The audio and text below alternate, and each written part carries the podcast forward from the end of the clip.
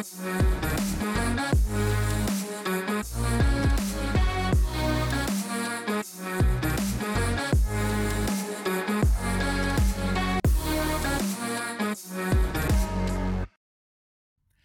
tym roku będziemy głosować, wybierać partię czy koalicję rządową, która będzie e, rządzić Polską. Wybory jesienią, kampania formalnie jeszcze się nie zaczęła, ale de facto już trwa. E, w układzie otwartym nie agituję za żadną partią, nie wspieram żadnego ugrupowania. Jestem niezależny i takim pozostanę. I tak będzie na pewno w układzie otwartym. Ale to nie znaczy, że nie będziemy mówić o kampanii. Polityków nie zapraszam, bo taką mam zasadę w tym programie, ale będziemy analizować to, co się dzieje. I zaprosiłem do wspólnego projektu e, firmę Ibris, firmę badawczą, która bada e, wyborców.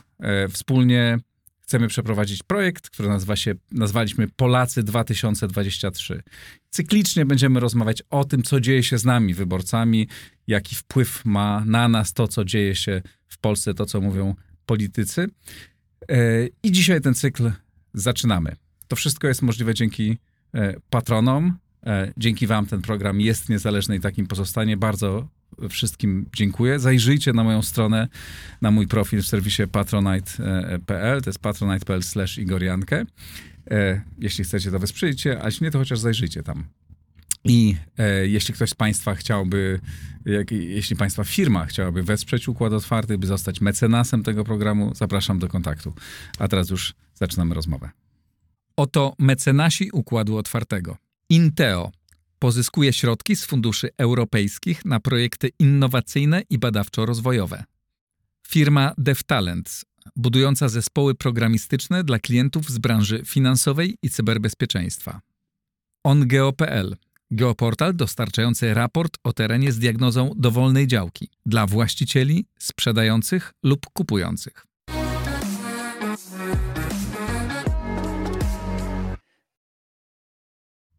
Marcin Duma, szef Ibrisu, witaj serdecznie. Dzień dobry. Cieszę się, że zgodziłeś się, żebyśmy wspólnie tu cyklicznie rozmawiali o tym, co się dzieje. Rozbierali kampanię. Tak, rozbierali kampanię, rozbierali nas, co się z nami, co się z nami dzieje. No przede wszystkim, no bo ta kampania y, nie jest o politykach, tylko ta kampania jest y, o nas, o naszej przyszłości, tak. o naszej teraźniejszości, a jak się okazuje także trochę o naszej historii. I dlatego nazwaliśmy ją Polacy 2023, a nie politycy. Znaczy, politycy są też Polakami, tak? Ale chcemy rozmawiać o społeczeństwie, o tym, co się, co się z nami dzieje. I też e... nie Polska 2023. Tak. Bo nie zakładamy y, partii politycznej. Nie. Jeszcze, w każdym razie. Nie, na pewno nie. nie. Nie, ja też nie mam takiego zamiaru, obiecuję to Państwu. Mm, dobra. Y, obiec... Umówiliśmy się już dawno temu, że będziemy rozmawiać o tym, co się dzieje z nami. E, I mieliśmy zupełnie inny plan, ale w międzyczasie wybuchła sprawa e, wokół Jana Pawła II, sprawa historyczna, która e, zdaniem wielu osób tak naprawdę wywołała początek kampanii wyborczej, że jedno z ugrupowań zaczęło się do, do niego ustawiać. Czy rzeczywiście ten reportaż, który wyemitował TVN, nie oceniając jego, bo nie mówimy o, o, o samej treści, tak naprawdę okazał się wydarzeniem politycznym, czy którym miał wpływ na politykę? To, co się wydarzyło, czyli publikacja tego, no, tego materiału i dyskusja, e, która wokół tego się buduje, chociaż nie wszyscy chcą w niej uczestniczyć, e, nie jest e, takim zjawiskiem zupełnie nowym. Dlatego, że bardzo podobną sytuację obserwowaliśmy w 2019 roku, kiedy bracia Sekielscy opublikowali swój e, autorski, taki trochę ofowy, e, zrobiony społecznie e, reportaż w ogóle o pedofilii w kościele. E, co więcej, te reakcje, które wtedy obserwowaliśmy w 2019 roku, były bardzo podobne do tego, co widzimy, e, co widzimy dzisiaj. Nawet moment y, kampanijny, powiedzmy, był, był, był, był zbliżony do, do tego, co się, co się, teraz, co się teraz dzieje. Natomiast... Ale czy nie jest jednak, ja widzę pewną różnicę, bo wtedy, po publikacji tego a, a, reportażu a, Sekiel, Tomka Sekielskiego, jednak też duża część wierzących była wstrząśnięta, znaczy nie było takiego, znaczy była krytyka, owszem, i był atak na, na autora, ale jednak wielu ludzi przyznało, że jest problem i było tym wstrząśniętych. A tu jest trochę inaczej. No, wydaje mi się, że mówisz o tym trochę z perspektywy czasu. Znaczy, dzisiaj po niemal czterech latach od publikacji tego, tego materiału, rzeczywiście możemy powiedzieć, że on coś odkrył, zmienił też nas. Ale wtedy, w momencie jego publikacji i w tym cyklu kampanijnym, który wtedy miał miejsce, e, ta zmiana się nie pojawiła, nie objawiła. Objawił się za to opór wobec e, burzenia pewnej wizji rzeczywistości, e, której, czy dekonstrukcji pewnej rzeczywistości, wizji rzeczywistości, której ten reportaż dokonywał i chęć obrony tego swojego uporządkowanego świata, e, który, e, gdzie Kościół miał swoje miejsce, gdzie trochę był nietykalny, gdzie nawet jak coś tam broił, no to wiecie, rozumiecie, o tym mówić nie będziemy, albo że są to po prostu jakieś tam pojedyncze przypadki tylko, że to nie ma charakteru y, systemowego, że Kościół jednak tym jakoś y, zarządza. Dzisiaj y, efekt tego odkrycia, które, którego, czy nie odkrycia, bo o tym się mówiło, to było wiadomo, a na, na Zachodzie też ten proces już Kościół y, przeszedł, e, ale mm, pokazania jakby skali tego problemu. E, w taki bardzo myślę, że komunikatywny, dobry sposób, e, dzisiaj doprowadziło do tego, że e, Kościół w Polsce jest mimo wszystko w głębokiej defensywie. Oczywiście jest na własne życzenie w tej defensywie.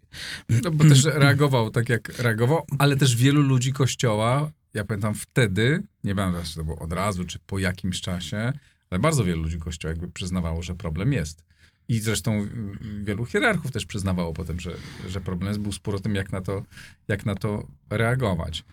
W tym przypadku myślę, że jednak jest trochę No, inaczej. mamy reakcję episkopatu, która jest bardzo wyważona. Mhm. gdzie nie ma zamknięcia się w twierdzy i e, pokrzykiwania z murów, że to wszystko nieprawda. E, więc jak widać, Kościół w jakiś sposób nauczony tym poprzednim doświadczeniem, dzisiaj też będzie reagował i reaguje trochę, e, trochę inaczej. Czy te sprawy dwie się od siebie różnią? No oczywiście, że tak. Ja oczywiście, mówiąc o tym, że one są do siebie podobne, no to mówię o podobieństwie, ale nie o tym, że to jest ksero, kopia ym, dokładnie tego samego, y, jakby takiego samego, takiego samego efektu. Bo No jednak, też jednak, no powiedzmy, tam była mowa o realnym problemie, tu jest mowa o pewnych zarzutach, które nie wszystkich przekonują. O, o, powiedzmy tak. tak na dobrą Mhm. sprawę, to jest ciągle ta sama historia. E, tylko ona się rozwija, e, no bo jeżeli patrzymy sobie tak na pewien taki cykl e, życia tej, tej sprawy, no to jest reportaż redaktora Sekielskiego. Mamy pierwszy reportaż Bielmo, który mówił o o związkach otoczenia Jana Pawła II i pedofilii i jej ukrywania. I teraz mamy trzeci akt tej historii, czyli no jakby zarzuty wobec samego Jana Pawła. Nie, że on się dopuszczał czynów niegodnych, ale że jednak świadomie e, no, k- krył ten proceder w, w kościele e, krakowskim, plus oczywiście też wyjście na, na, na, na takie inne postacie, na przykład na kardynała Sapiechę i tak No dalej. tak, ale jest wiele wątpliwości co do tego, czy te zarzuty są e, słuszne, mm, czy nie, kto je, e, kto je stawia, e, jaki, jest, jaki był kontekst wówczas e, w tamtym czasie, jak się reagowało na takie rzeczy. Bo wiesz, na czym polega pewna, różnica? Pe, pewna różnica jest. No, różnica jest taka, że wtedy obiektem jakby zainteresowania e, czy też opowieści o tym, o tym problemie pedofilii, e, tym obiektem był Kościół jako organizacja. Mhm. E, Jeżeli weźmiemy pod uwagę mm, też proces postępującej laicyzacji, odchodzenia od, od takiej wiary głęboko zaangażowanej, to dużo łatwiej było przyjąć ten tę opowieść i ją sobie zinternalizować e, o pro tych problemach z pedofilią z y, kościoła, a coś zupełnie innego jest opowieść o Janie Pawle II. Bo to nie jest opowieść tylko o religii. To jest opowieść tożsamościowa, historyczna o Polsce i Polakach. Jo. Tu jest problem. Historycznie ważnej dla nas postaci. Historycznej postaci, która jest jednym z fundamentów wyobrażenia świata dla całkiem sporej, ale zmniejszającej się, e, grupy polskiego społeczeństwa. W tej chwili stanowiącej większość. Bo tutaj mm, na razie sobie tak opowiadamy, I myślę, że sobie to nie pływamy. jest tylko czysto polityczne, znaczy, że tutaj ten podział nie idzie tylko tak jak podziały To w ogóle nie ma. Zostawmy politykę, bo to, hmm, to nie jest sprawa polityczna. Oczywiście wiadomo, że jest próba jej użycia politycznego. Natomiast sama sprawa no, nie ma charakteru yy, politycznego. I wielu ludzi odbiera to Wielu. też jako atak Zróbmy dla stop. nich bardzo ważną postać, element, część ich Zróbmy życia. stop, zróbmy stop dlatego, że no, ja z racji, z racji jakby swojej zawodowej, ale też pewnego charakteru naszego pro, programu, lubię mm, nie opowiadać tak naokoło. Wiecie, większość, część, powiedzmy sobie wprost, o jakich jakby wartościach mówimy. Mhm. Jaki to jest odsetek Polaków. W grudniu 2022 roku, zanim to wszystko się zaczęło, my przeprowadziliśmy takie badania, e, które dotykały opisu Kościoła, e, też Jana Pawła II jako, jako postaci, także już pewnych e, związków jego z, czy z podejrzenia, czy podejrzeń wobec niego o krycie pedofilii, bo to, to nie jest przecież żadna nowa historia. To już o tym gdzieś tu się plotkowało, gdzieś o tym się mówiło. Jakieś y, zarzuty zostały postawione jeszcze przed tym reportażem. E, więc wtedy, w grudniu, ale to jeszcze zanim ta sprawa dobrze się, dobrze się zaczęła, e, dla sz- 59% Polaków Jan Paweł II był autorytetem. Czyli pytaliśmy ich, e, czy zgadzają się z tym, że on jest ich autorytetem, to taki odsetek mówił, że tak właśnie jest. Ale myśmy to zbadali także teraz. Ale jeszcze, do, to powiedzmy, o ile pamiętam, w tym badaniu e, pytaliście również o stosunek do Kościoła i ten e, ocena Kościoła była niższa niż ocena e, Tak. postaci Jana Pawła II. Kościół jest autorytetem dla mniej więcej 36% Polaków. Mhm. Czyli widzimy, że ta różnica ilościowa między tymi ludźmi, którzy no, gdzieś tam w tym swoim systemie wartości y, stawiają Jana Pawła II za punkt odniesienia, ta, ta grupa jest znacznie większa niż, ty, niż tych, którzy oprócz Jana Pawła mają też na tej półeczce Kościół Mhm. katolicki w Polsce. Wielu ludzi poczuło się teraz przy tym, e, po tym reportażu osobiście dotkniętym, bo nie przekonywały ich te, czy nie przekonują ich te, te zarzuty, te argumenty i odbierają to jako atak na coś niezwykle wa- dla nich ważnego. Ja myślę, że to właśnie to drugie, że mm, oni poczuli się nie tyle zaatakowani czy zagrożeni, ile ktoś powiedział im, że jeden z fundamentów ich wyobrażenia świata e, trzeba wyjąć i wyrzucić, bo on się nie nadaje. I to jest na tyle istotny element tych fundamentów, że jego wyciągnięcie grozi trochę zawaleniem się całej konstrukcji. Co to znaczy? To znaczy, że musimy trochę, prze... jeżeli przyjmujemy te zarzuty, które wobec, y, czyli jeżeli przyjęlibyśmy te zarzuty, które są formułowane wobec Jana Pawła II, to znaczy, że musielibyśmy ten nasz, tą naszą wizję świata, historii, Polski, no pewną naszą tożsamość przebudować yy, trochę, albo jeżeli nie w ogóle zbudować ją od nowa. No tak, tylko musielibyśmy odrzucić e, to wszystko, co wiązaliśmy w naszym, w naszym wyobrażeniu, w naszej wrażliwości em, z Janem Pawłem II. Em, I e, z powodu jedne, zarzutu dotyczącego jednej, e, jednego, czy dwóch, czy trzech zdarzeń, co do których też mamy wątpliwości. Mm, te nasze wątpliwości, czy to, czy my im dajemy głos, tak? czyli uważamy je za przesądzające, żeby w to nie uwierzyć, to jest pewien mechanizm też obronny. Ja nie chcę przesądzać, nie wiem, nie studiowałem tych materiałów, y, to nie jest moja, to nie jest moja dziedzina Tak, y, profesjonalna. Spróbujmy- Ustalmy, że nie będziemy dyskutować, czy one są prawdziwe, Tak. czy nie, bo to jest na pewno bardzo Tak. ważne. Niezależnie i, i od warte, tego- Ale nie w tym programie. Niezależnie od tego, czy, y, czy one są prawdziwe, czy nie, możemy je przyjąć albo nie. I na tym bym się skupił. Więc y, ich przyjęcie no, wymaga od nas bardzo gruntownej przebudowy naszej wizji y, historii, y, zrzucenia niejako z piedestału tego Polaka, który w historii naszego kraju chyba zaszedł najwyżej, który był pewnym i wciąż jest pewnym symbolem nie tylko religijnym, ale i patriotycznym. Symbolem, który przyjmują ludzie z bardzo różnych stron scen politycznej, ze swoich poglądów, nie mówię o politykach, tak? tylko mówię o, o, o ludziach, czyli No, Mówimy o osobie, która miała fundamentalnie wielki wpływ na polską historię. tak, i formacyjny na Polaków. Tak. na to, jak patrzą na. dla na wielu z Polskę. nas. Tak. Jeśli weźmiemy pod uwagę, jaka była rola papieża, no to to ludzie mówią, no tak, obalenie komunizmu. Ale pamiętajmy o tym, co on mówił o Unii Europejskiej i obecności Polski w tej Unii Europejskiej przed, e, przed referendum.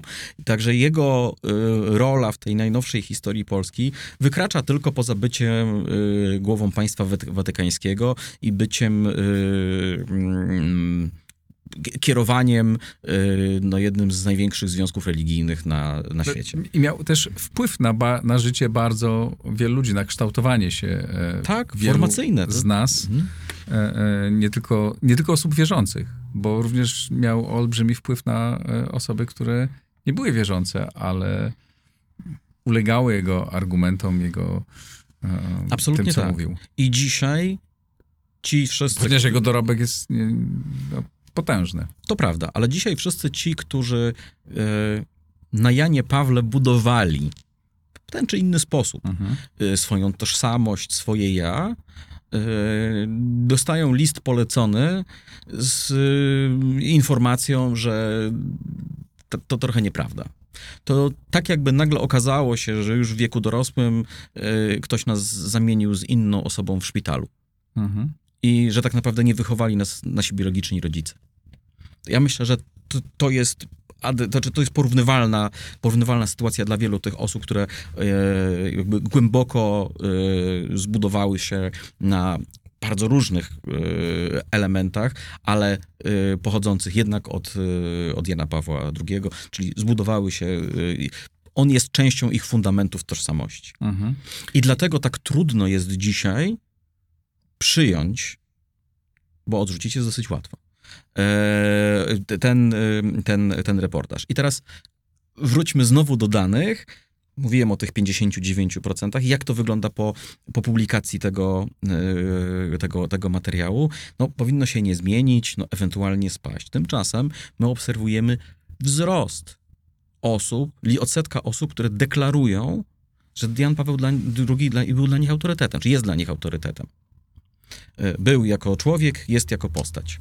E, Zaraz po, dwa dni po publikacji tego, tego reportażu to było poziom 65%. e, Przedwczoraj w zakończonym badaniu to jest już 72%. 72%, Tak. czyli to tak wzrosło. Tak. Więc jak sobie patrzymy na ten efekt, no to na początku mamy wyparcie. I Mhm. trochę to wyparcie e, widzimy. E, Ja stawiam taką tezę e, ryzykowną, że ten odsetek się nie zmieni, chyba że pojawią się jakieś informacje, których, których, których nie mamy. Znaczy, że tak jak film Sekielskiego był bardzo mocny, wiarygodny, tak ten nie jest, jest dużo słabszy i jakby te argumenty są dużo słabsze i on nie zadziała, znaczy on nie będzie miał takiego długofalowego efektu. Na pewno będzie tak, że ten wzrost e, teraz, to, to wzmożenie jeszcze chwilkę potrwa. Mhm. Potem, jeżeli ten temat zejdzie z afisza albo zostanie zbyt Mhm. mocno wyeksploatowany podczas e, no, kampanii wyborczej, tak? czyli stanie się taką pałką do układania się po głowach y, w kampanii wyborczej, e, no to z pewnością odsetek tych osób, które tak deklarują, no, może spaść. Zapewne tak, ale y, Co moja teza jest więcej- taka, że to nie obali e, mitu postaci Nie ważności Jana Pawła II. to. Nie to. A czy to na pewno może... być może brutalna kampania, tak? Jeżeli to z zostanie czasem- zmielone w kampanii, to... E, Myślę, że będzie to zmielone Mhm. jednak w kampanii. Natomiast zostawmy na razie tę kampanię i no jakby porozmawiajmy o tym, co z tym Janem Pawłem II. No z tym Janem Mhm. Pawłem II to będzie mniej więcej tak, że im będzie dalej od jego e, okresu życia, e, od jego śmierci, im będzie w społeczeństwie więcej osób, które już nie pamiętają Jana Pawła II, dla których on nie jest częścią fundamentów, a tu mówi fundamentu takiego tożsamości- tożsamościowego, a tu mówimy e, o tych e, coraz młodszych rocznikach, to ten odsetek będzie się zmniejszał. To znaczy, że za 10 lat tych osób, dla których on jest autorytetem, będzie w społeczeństwie mniej. Bo to To- będzie zupełnie naturalny To naturalne, proces. tak z każdą Tak, postacią, tak. której, której Teraz- nie doświ- z którego, z którą kontaktu nie doświadczyliśmy. Tak jest. E, no, no, która siłą rzeczy, no, będąc już gdzieś trochę w podręczniku historii, no ten siłę oddziaływania ma, ma mniejszą. No to o, myślę, że z czasem Jan Paweł II stanie się trochę tak jak Piłsudski, którego wobec który, który dzisiaj już nie wzbudza gorących dyskusji społecznych, tak samo jak słowo sanacja nie wzbudza żadnych, y, żadnych emocji, ale jeszcze kilkadziesiąt lat temu przecież wzbudzało. Więc y, tak myślę, że będzie. Teraz co ten, co ten reportaż?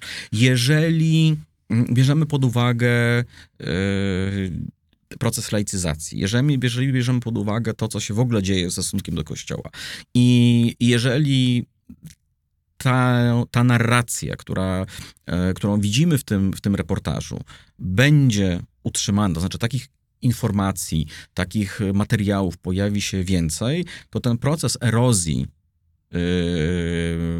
tego pomnika, który mamy gdzieś w głowach, w sercach, yy, na pewno przyspieszy. Czy to się stanie w ciągu roku? No nie, to się nie stanie w ciągu roku. To się stanie w ciągu lat, Mhm. ale się stanie. Pewnie tak. E, pytanie jak bardzo. Mnie się wydaje, że ten proces będzie powolny i że on nie będzie tak szybki jak e, proces erozji kościoła w ogóle e, w Polsce. Bo, bo to, co się dzieje z kościołem, to są ciągle reakcje hierarchów e, w ostatnich latach, którzy w przekonaniu wielu, również członków kościoła, były niewłaściwe. A Jan Paweł II już nie broni się, już jakby nie, nie, nie działa, jest tylko tym, czym zrobił, czym, e, e, czym był za, swe, za swojego życia. A więc on już nie... nie On nie jest zamkniętą historią Jest w pewien zamkniętą historią w pewnym sensie. Dobrze, to porozmawiamy, bo no, mieliśmy rozmawiać o kampanii, e, o tym, co się będzie działo z wyborcami. To jaki to ma znaczenie dla, e, jakie to wydarzenie, te emocje, które są, mają znaczenie dla kampanii wyborczej. Ogromne. Czyli e, e, TVN zrobił wielką przysługę e, partii rządzącej. E, To jest tak, że PiS ma jednak mimo wszystko niebywałe szczęście. Mhm. e, do takich e, wydarzeń trudnych do przewidzenia, albo trudne, których skutki są trudne do przewidzenia, które ostatecznie działają na korzyść PiSu.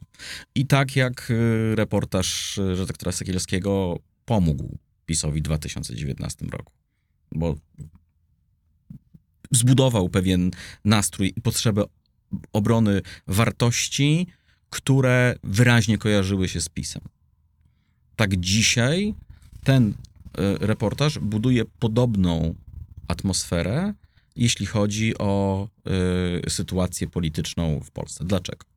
No bo na jednej stronie, bo z jednej strony stawiamy sobie Jana Pawła II, a z drugiej strony stawimy, stawiamy sobie progresywizm. I, I mamy już pięknie zagospodarowane pole kampanii wyborczej, bo wiemy, że ci, którzy stoją po stronie Jana Pawła II, cudzysłów, e, to jest większość polskiego społeczeństwa, a ci wszyscy, którzy chcą jakby zniweczyć ten dorobek Jana Pawła II, no to, to to jest mniejszość. Co to znaczy zniweczyć y, dorobek Jana Pawła II? Co Jan Paweł II mówił o aborcji? No, wiadomo, co mówił. No więc nie jest problemem, żeby go Prawo i Sprawiedliwość przytuliło się bardzo do niego, albo trochę schowało się za nim i opowiadało o tym, że słuchajcie, my bronimy Jana Pawła II, my bronimy konserwatywnych wartości.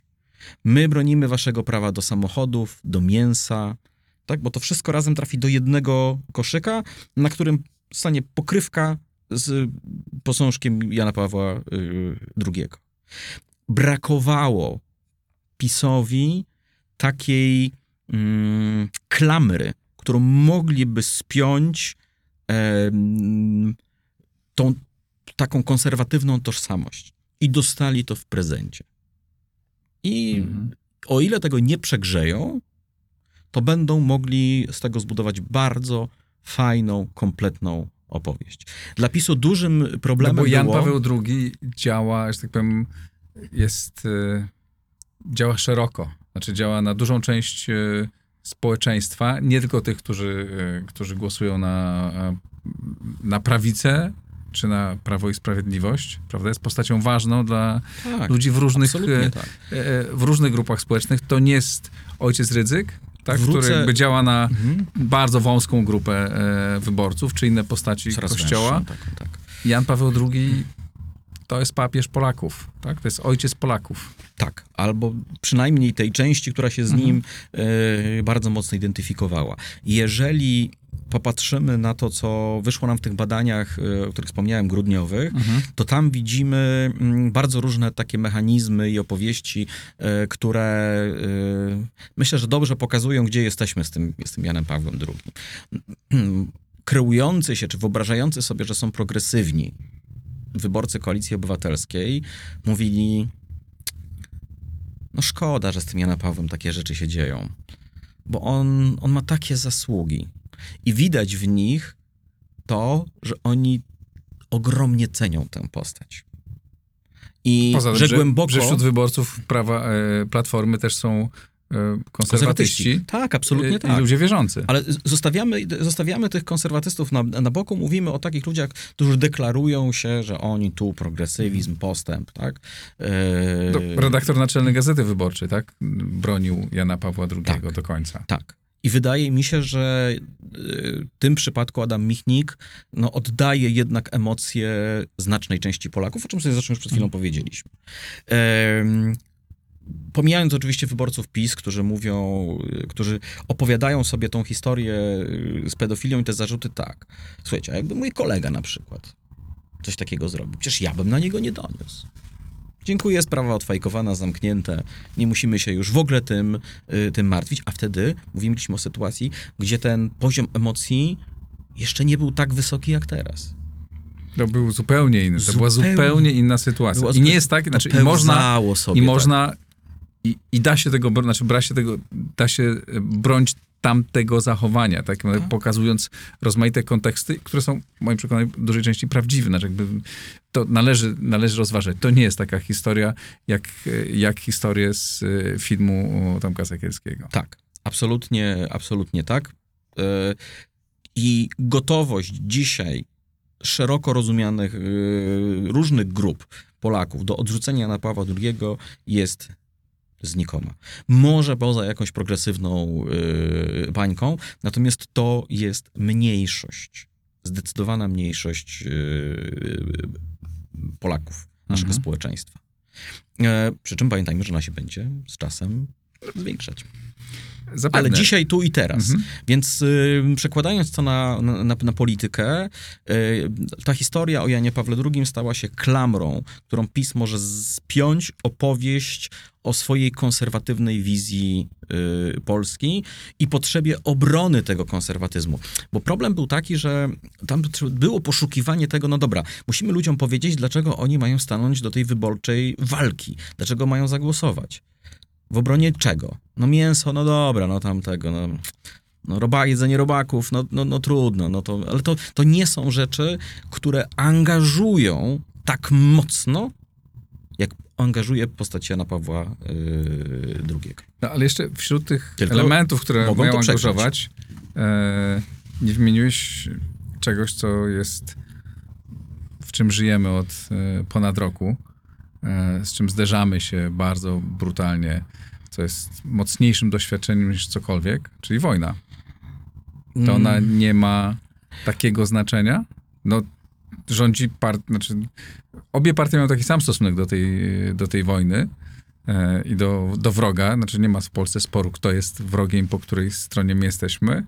No ale zawsze e, trudna sytuacja, gromadź ludzi wokół tych, którzy mają możliwości działania, tak? A możliwość działania ma rząd, a nie opozycja, no bo po prostu, bo, bo ma narzędzia do tego. I co więcej, robi wiele rzeczy, które jest dobrze oceniane. To prawda, ale to znowu nie jest ten element, który dzisiaj jest tak silnie mm, mobilizujący. Uważasz, że historia z Janem Pawłem II bardziej będzie mobilizować ludzi jesienią potencjał. niż, Tak. niż wojna, e, agresja rosyjska na Ukrainę? E, Tak, ale tu zrobię małe zastrzeżenie, bo jeżeli okazałoby się, że na Ukrainie e, doszłoby do jakichś e, rozstrzygnięć Mhm. tej wojny, to oczywiście jej znaczenie wzrośnie. I to rozstrzygnięć y, w obydwie strony. Y, Nie wiem, udana kontrofensywa ukraińska będzie miała wpływ na polskie wybory, bo przyniesie tą ulgę, przyniesie odsunięcie tego zagrożenia y, rosyjskiego. Nieudana kontrofensywa ukraińska, czyli jakby niemożność do przełamania tych ro, rosyjskiego, rosyjskich pozycji, no to będzie opowieść trochę w drugą stronę, tak? Znaczy, że ci Ukraińcy mogą sobie nie poradzić. Dobra, I a czy to się sytuacja przełoży, trzecia, czy to sytuacja- działa na... E, e, Właśnie jedna, jed, jedna wyjście działa na korzyść jednej partii, a drugie na korzyść drugiej? Ym, za chwilkę, Mhm. bo jeszcze mamy trzecią sytuację, będzie taką, że ci Rosjanie pójdą jednak do przodu, tak? Znaczy, że to, to, to im się powiedzie na tym froncie trochę, yy, trochę bardziej. I w zależności od tego, która to z tych sytuacji będzie, to ona będzie, każda z nich będzie pracować trochę inaczej. E, wbrew pozorom, dla Prawa i Sprawiedliwości yy, te dobre sytuacje to są te, gdzie e, oni mogą się zaprezentować, czyli wszystkie. Dlaczego wszystkie? No dlatego, że jeżeli Rosjanie przełamią, e, zaczną od tej najgorszej e, części, tej najgorszej tej, tej, tego scenariusza, przełamią, przełamią obronę Ukraińców, albo przynajmniej nam się będzie tak wydawać, to cały ten wysiłek nakierowany na zbrojenia, e, tu zakupy czołgów, minister Błaszczak czołgi, minister Błaszczak e, armaty, czy tam jakiś inny, inny sprzęt, e, Jarosław Kaczyński powiększanie armii, no to będzie ten komunikat, który będzie mówił, słuchajcie, my dbamy o to, my zapewnimy bezpieczeństwo. Rola opozycji, która mm, może krytykować, że może lepiej stąd kupić, albo że na przykład, żeby kupić europejski sprzęt, bo wiecie, Europa bliżej, to już są takie niuanse. Nie będzie za bardzo pola do gry. Zwłaszcza, że rząd podjął decyzje takie wow, nie? Trzy tam 500 Heimarsów Tak. i tak dalej. Takie rzeczy, które są, które bardziej pasują do PiSu niż do innych y, ugrupowań, nie? Czy poszedł tak po bandzie? Gdyby rządziła opozycja, to ona mogłaby zrobić dokładnie to samo i też by to do niej pasowało. Może tak. Aczkolwiek tak intuicyjnie pewnie wielu ludzi, nie wiem, czy, a właśnie, To po prostu zadam jest- pytanie. to A nie czy są takie badania, opozycji. czy są takie, no właśnie, bo coś jest bardziej tematem Rządzących, e, prawicy, a co, co, y, coś bardziej tematem, nie wiem, czy lewicy, no bo nie wiem, jak mówić o Platformie. Mm. Ale, tak, e, ale powiedzmy tych partii opozycyjnych. Czy są jakieś badania, czy, albo czy z, wynika z tego, co obserwujecie, e, że tak powiem, co czują ludzie? Czy jak jest wojna, to my się lepiej czujemy pod Kaczyńskim czy pod Tuskiem, mówiąc w uproszczeniu? Znaczy, przy, tym, przy tym poziomie polaryzacji Mhm. E, to nasz, to, gdzie się widzimy sami, czy się pozycjonujemy w, po stronie opozycyjnej, czy po stronie obozu obecnego rządzącego, to, to, tak, to tak będziemy patrzeć. Znaczy, ci, którzy są po stronie opozycyjnej, to Czyli to nie ma wpływu? Nie, to nie wartościuje Mhm. w żaden sposób. Aczkolwiek te działania Prawa i Sprawiedliwości, które ona podejmuje na, na, na tych różnych frontach, y, mają akceptację wykraczającą poza elektorat y, PiSu. Mhm. To znaczy, przekazywanie sprzętu y, Ukrainie jest postrzegane jako dobre, y, korzystne i skuteczne. Nie tylko w tym, y, w tym elektoracie, ale wyborcy opozycji też tak y, sądzą. Czy to spowoduje, że oni zagłosują na PiS? No oczywiście nie. Ale Y, mogą nie mieć mur takiego na napędu, granicy, żeby Dokładnie pójść... to samo. Mhm. Więc zasieki na, na granicy z, z tym obwodem kaliningradzkim, super. I też jest to do tego zgoda wykraczająca poza te, te plemienne y, podziały. No dobrze, ale czy, ja domyślam się, że ci, którzy uważają, nie lubią PiSu, bo, bo telewizja, bo sądy, bo tam mm, Wille Plus i, ta, i coś tam jeszcze, te wszystkie to są tylko zarzuty. powody? To są tylko, to są tylko, E, tylko takie, wiesz, aha. bo to, to też opowiedzmy sobie to, bo to jest Ale, dobry ale, moment, to pozwól dokończyć pytanie. Rozumiem, że nie ma, takiej, nie ma takich ludzi w Polsce, którzy nie lubią PiSu, bo właśnie to, to, to i tamto, no ale PiS w sumie w czasie wojny zachowuje się okej, e, no okazuje się, że Biden przylatuje do Polski dwa razy w ciągu roku, więc nie jesteśmy wcale tacy izolowani. To, to tak naprawdę nie, nie, nie ma takiego wyborcy, który z tego powodu zmieni zdanie i zagłosuje na nich. Nie no, jacyś tacy pewnie są. Pytanie, tak, na, ale w- w na ile oni takiej są skali, znaczący. Znaczy, oni są znaczący. Oni są Aha. znaczący dlatego, że e, my mamy grupę e, wyborców takich miękkich Prawa i Sprawiedliwości, którzy sobie od Prawa i Sprawiedliwości poszli. To jest jeden z argumentów, który może ich przekonać do tego, że jeżeli już pójdą, to może ten PiS nie jest taki zły. Mhm. Może rzeczywiście ta inflacja jest wysoka, no ale w mojej hierarchii wartości to poczucie bezpieczeństwa tego zewnętrznego, międzynarodowego też jest ważne. I tu przede wszystkim będziemy oczywiście mówić o ścianie wschodniej, czyli o mieszkańcach Podlasia, y, Podkarpacia, Mhm. y, Lubelszczyzny. No to tam to działa, tam, y, tam z pewnością to, y, to, to rezonuje. Czy to jest game changer w kategoriach politycznych? No nie. Ale co czy to jest coś, co mobilizuje albo demobilizuje grupy, poszczególne grupy wyborców? A ja, jaką sytuację mamy na froncie w Ukrainie? No jest. W zasadzie jest konstans. Tak? Dzisiaj, Jest stagnacja. ale dzisiaj. Dzisiaj. Tak. Jesienią nie wiemy, co będzie. Sytuacja, załóż, załóżmy, że sytuacja staje się trudna, tak? Mhm. E, no, wersja A albo wersja B. Sytuacja trudna, znaczy tak dynamiczna, tak? Ukraińcy prą do przodu, wyzwalają kolejne miasta, na pewno, na pewno końca wojny to nie będzie, ale powiedzmy idzie im dobrze, tak? Jakaś kontrofensywa się powiodła. Mm, albo z kolei no, jest bardzo źle. nie? To z, y, rola jakby władz, znaczy emocje ludzi są wo, wokół tego i to wtedy mobilizuje bardziej elektorat prawicowy, a demobilizuje ten antyprawicowy. Czy to, to w ogóle moim zdaniem nie będzie działać Mhm. w, taki, y, w taki sposób? E, Każda z tych sytuacji będzie trochę inna. Ale No czy bo ludzie jak sobie nie pomyślą, no dobra, ci sobie dają radę, e, no to teraz tak, no ja ich nie lubię, ale zmieniać ich teraz w trakcie bardzo niebezpiecznym, tak, to... Albo bardzo bezpiecznym, no bo jeżeli tym Ukraińcom się uda, to Mhm. jedyną komunikatem, który będzie mógł rząd nadać jest taki, zobaczcie, to w zasadzie jest nasze i wasze, w sensie społeczeństwa, Mhm. zwycięstwo. Mhm. ale to nie jest mobilizujące. To jest takie dające komfort, poczucie zadowolenia, no ale na pewno to nie jest ta emocja, która popchnie ludzi do, e, do urn. Czyli e, raczej wyborczych. mobilizujący byłby jakiś rosyjski atak. To chcesz Znaczy sukces rosyjski, tak? Mhm. No bo e, wtedy poczucie, że ci Rosjanie są znowu bliżej, Mhm. e, będzie działać na wyobraźnię, szczególnie tej Okej. części wschodniej Mhm. e, e, Polski. Części zachodniej niekoniecznie, bo oni, my z innych badań wiemy, że oni są dużo bardziej skłonni do tego, no przede wszystkim mają bliżej, do tego, żeby myśleć raczej o, o opuszczeniu Polski. To jest ciekawe, bo rozmawiamy prawie 40 minut e, o kampanii e, i w zasadzie słowo inflacja e, pojawiło się raz teraz, tak mimochodem. W ogóle nie, powie- nie powiedziałeś o czymś, co dotyka nas przecież bardzo mocno, nawet, znaczy tak na poziomie codziennego życia bardziej niż wojna, no bo wojnę widzimy w telewizji, a ceny, e, a ceny e, widzimy, znaczy z- zderzamy się z nimi każdego dnia i mają wpływ na życie każdego z nas. To nie ma znaczenia w tej, nie będzie miało w tej, znacze, w tej kampanii znaczenia? Jak ja bym układał tą rozmowę, to ja bym zaczął rzeczywiście od Jana Pawła II, ale druga nie byłaby wojna, Mhm. tylko druga byłaby... Inflacja. Okej. Hasło inflacja, tak, to No, prawda. A wysokie ceny. A generalnie mówi- mówilibyśmy o bezpieczeństwie mm, w wymiarze mm, finansowym, o bezpieczeństwie w wymiarze siły nabywczej, ym, stylu utrzymania stylu życia. Bo to jest trochę o tym. Mhm. Bo to, że pomidory są po 30 czy po 40 zł, to nie o to chodzi, że pomidory są po 30 czy Wczoraj po 40 widziałem zł po 47 w jednym sklepie. w jednym sklepie, a w Hmm. Lidlu są po 20. No wiem, nie pozwala. Zależy jakie te, To- te, te malinowe. To, to, to prawda. tak, ale E, 47 widziałem pierwszy raz w życiu. To było Okej, tylko że to, przeżycie. to nie o to chodzi, czy te pomidory są po 47, czy po 50, czy po 100, tylko czy możemy sobie na nie pozwolić, Tak. czy już nie. Mhm. To jest istotne.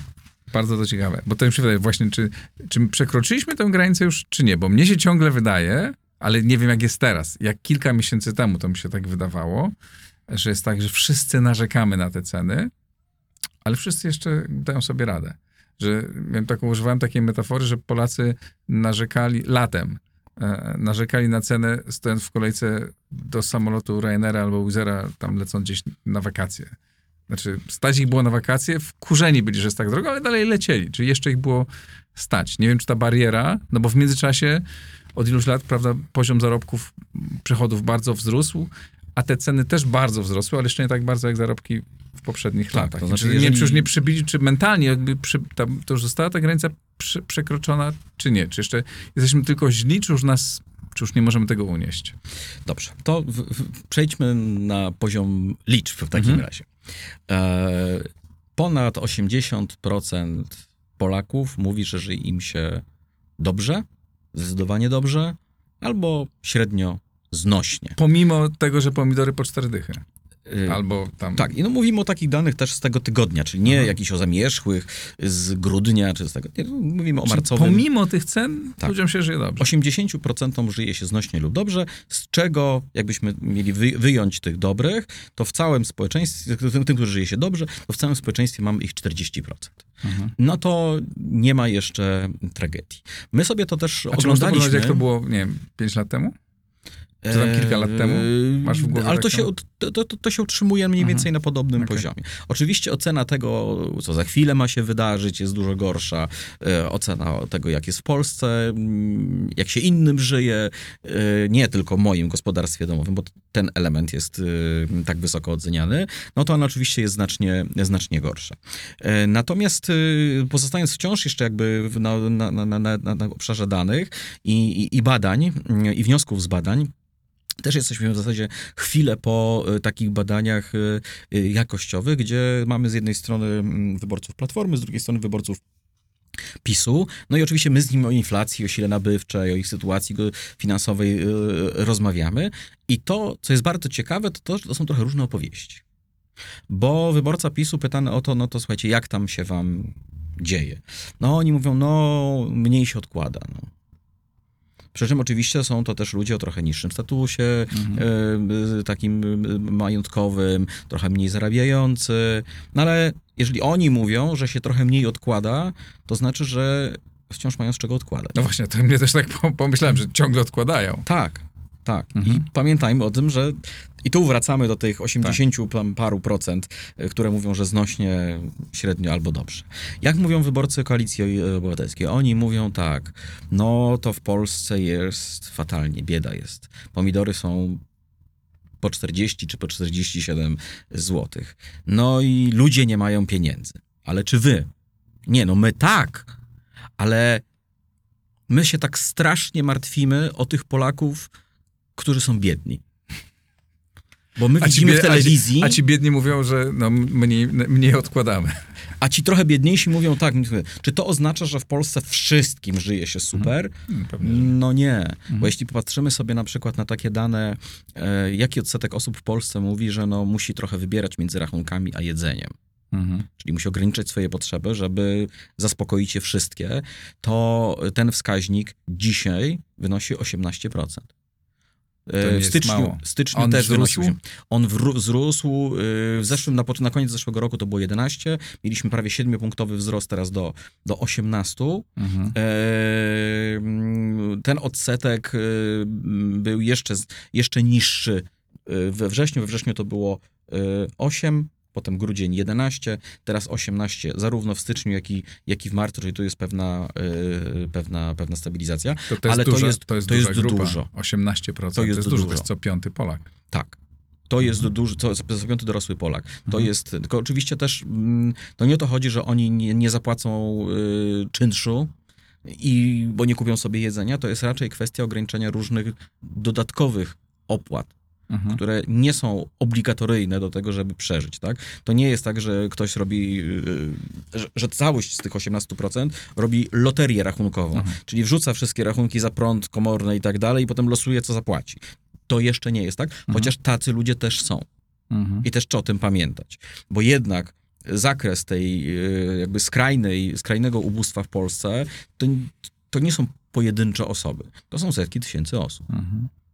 Ale też nie wiadomo, jak, e, jak ci, czy wiadomo, jak, jak zagłosują ci właśnie z tej, ta grupa 18%. Tam jest sporo wyborców PiSu, Mhm. aktualnych wyborców PiSu. To znaczy, że Co oni... jest dla obozu rządzącego dobrą wiadomością. Tak, znaczy... Znaczy, że oni ich nie opuszczą z tego powodu, bo nie mają gdzie pójść. No w ogóle wyborca PiSu nie ma gdzie pójść, wyborca opozycji ma niby gdzie pójść. A nie może pójść do Konfederacji? Wyborca PiSu? PiSu? PiSu? Nie. Nie? nie. bo tam barierą jest y, ten wolnorynkowy Mhm. y, sposób opowiadania rzeczywistości, który dla tych, osób, dla tych osób nie jest w ogóle atrakcyjny. Mhm. No dobrze, to podsumujmy, bo e, będziemy jeszcze do tego tematu wracać w najbliższych miesiącach wielokrotnie. Do wszystkich trzech do prawdopodobnie. wszystkich trzech. e, e, W, w jakiej sytuacji jest dzisiaj obóz rządzący i obóz opozycyjny i co będzie dominować w najbliższym czasie?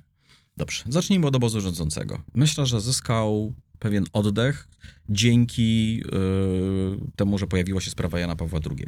Na jak długo ten oddech y, zyska, czy tego tematu nie przegrzeje, to ja myślę, że to jest kwestia najbliższych tygodni, kiedy się to y, okaże. Na bazie tych badań dotyczących sytuacji materialnej i tak dalej, tam widać, że się to troszeczkę ustabilizowało, to nie jest najgorzej. Czy to powoduje, że PiS może już myśleć o wygraniu wyborów i trzeciej kadencji? Do tego jest jeszcze bardzo daleka droga. Mhm. Na podwórku opozycyjnym yy, co widzimy? No widzimy, że Platforma jest pewien poziom, którego na razie nie jest w stanie yy, przekroczyć. Yy, Jest też zamieszanie po stronie opozycyjnej, bo widać, że ta wspólna lista nie dojdzie do skutku. E, I tu zaczynają się takie ruchy słabnący wyraźnie Hołownia, e, jednak e, próbuje zawiązać ten alians z, PSL-em, ale stara się być ostrożny. Z drugiej strony PSL go do tego popycha, więc tu mieli się to e, cały czas. Jeszcze jest na to, e, do tego wszystkiego lewica, która w jakiś sposób też na tym zyskuje, ponieważ e, ona może sobie tego Jana Pawła II w opozycji do PiSu spokojnie i bezkosztowo, ba, nawet z zyskiem opowiedzieć. Mhm. No i mamy wreszcie też Konfederację, która wyraźnie otrząsnęła się po, y, po tym, co, co ją spotkało, na własne życzenie zresztą, na początku y, wojny na Ukrainie, czyli wyraźny spadek, no związany oczywiście z tym, że y, wzięli się za y, opowiadanie złych rzeczy o uchodźcach ukraińskich, które to mieli nam zagrażać, za prorosyjskie y, wypowiedzi części ich niektórych wybranych polityków. Mm, Natomiast dzisiaj te emocje troszeczkę gdzieś tam opadły, to się wyciszyło i ja bym postawił taką hipotezę, że jeżeli Konfederacja skupi się na swoim wolno, wolnościowym, takim liberalnym y, przekazie, chowając trochę ten konserwatywny i narodowy, to możemy zobaczyć y, Konfederację na dwucyfrowym wyniku. I teraz pytasz, y, czy wyborcy PiS do Konfederacji. Otóż ta Konfederacja 10% to nie będzie kosztem PiSu, tylko oni mogą zacząć obgryzać tych liberalnych, czy podbierać liberalnych wyborców, którzy są trochę uchołowni, trochę y, w mm, Platformie Obywatelskiej, w Koalicji Obywatelskiej. I mogą być potem potencjalnym, mocniejszym potencjalnym koalicjantem PiSu po wyborach. Znaczy ja szczerze mówiąc trochę nie dowierzam w tą koalicję Mhm. mm, wolnościowców, a z Konfederacji z PiSem, ale za to jestem w stanie uwierzyć w koalicję narodowców z Konfederacji z PiSem. To jest inna rozmowa o, o już o, o koalicjach. Tu rozmawiamy o, o, o społeczeństwie. Dużo, dużo powiedzieliśmy, dużo powiedziałeś. Bardzo Ci dziękuję. E, to pierwszy odcinek tego cyklu Polacy 2023. Zajawiliśmy trochę tematów. Zajawiliśmy trochę tematów. e, Trochę tak jak u, ta kampania, trochę tak jak u Hitchcocka, tak? Jeszcze się e, e, e, już się zaczęło trzęść e, i prawdopodobnie będzie jeszcze A lepiej. emocje tylko będą rosły. Tak, będą rosły. I my będziemy o tym e, opowiadać Państwu. E, Ibris, Układ Otwarty, Marcin Duma, Igor Jankę. Dziękujemy bardzo. Dziękuję bardzo. To wszystko na dzisiaj. Napiszcie, co Państwo o tym e, sądzicie. Ten temat zapewne wywoła również wśród Was wiele dyskusji. Bardzo jestem ciekaw Waszych komentarzy. Mm, Jeśli uważacie, że warto, żeby ten program był tak niezależny, wspierajcie na patronite.pl, bo to wsparcie bardzo wielu różnych osób jest, daje gwarancję e, stabilności i niezależności tego programu. Dziękuję bardzo, pozdrawiam, do usłyszenia, do zobaczenia. Przygotowując odcinki Układu Otwartego, korzystam z serwisu Infopiguła. Link do Infopiguły znajdziecie pod nagraniem.